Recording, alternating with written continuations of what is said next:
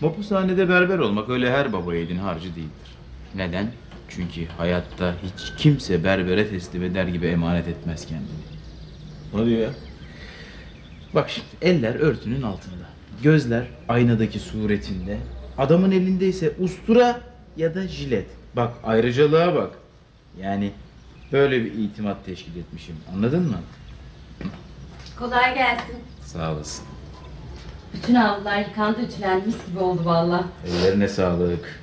Ne diyeceğim anlatsana sonra nasıl ispat ettin sen kendini?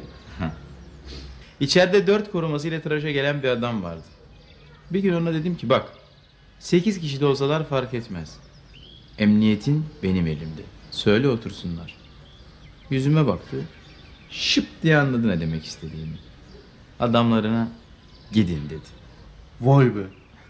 Yani işin sırrı şu. Eğer kendini birine emanet ediyorsan başka kilit kullanmayacaksın. Yemin ederim ki bir şey anlamadım. E, ben anladım galiba.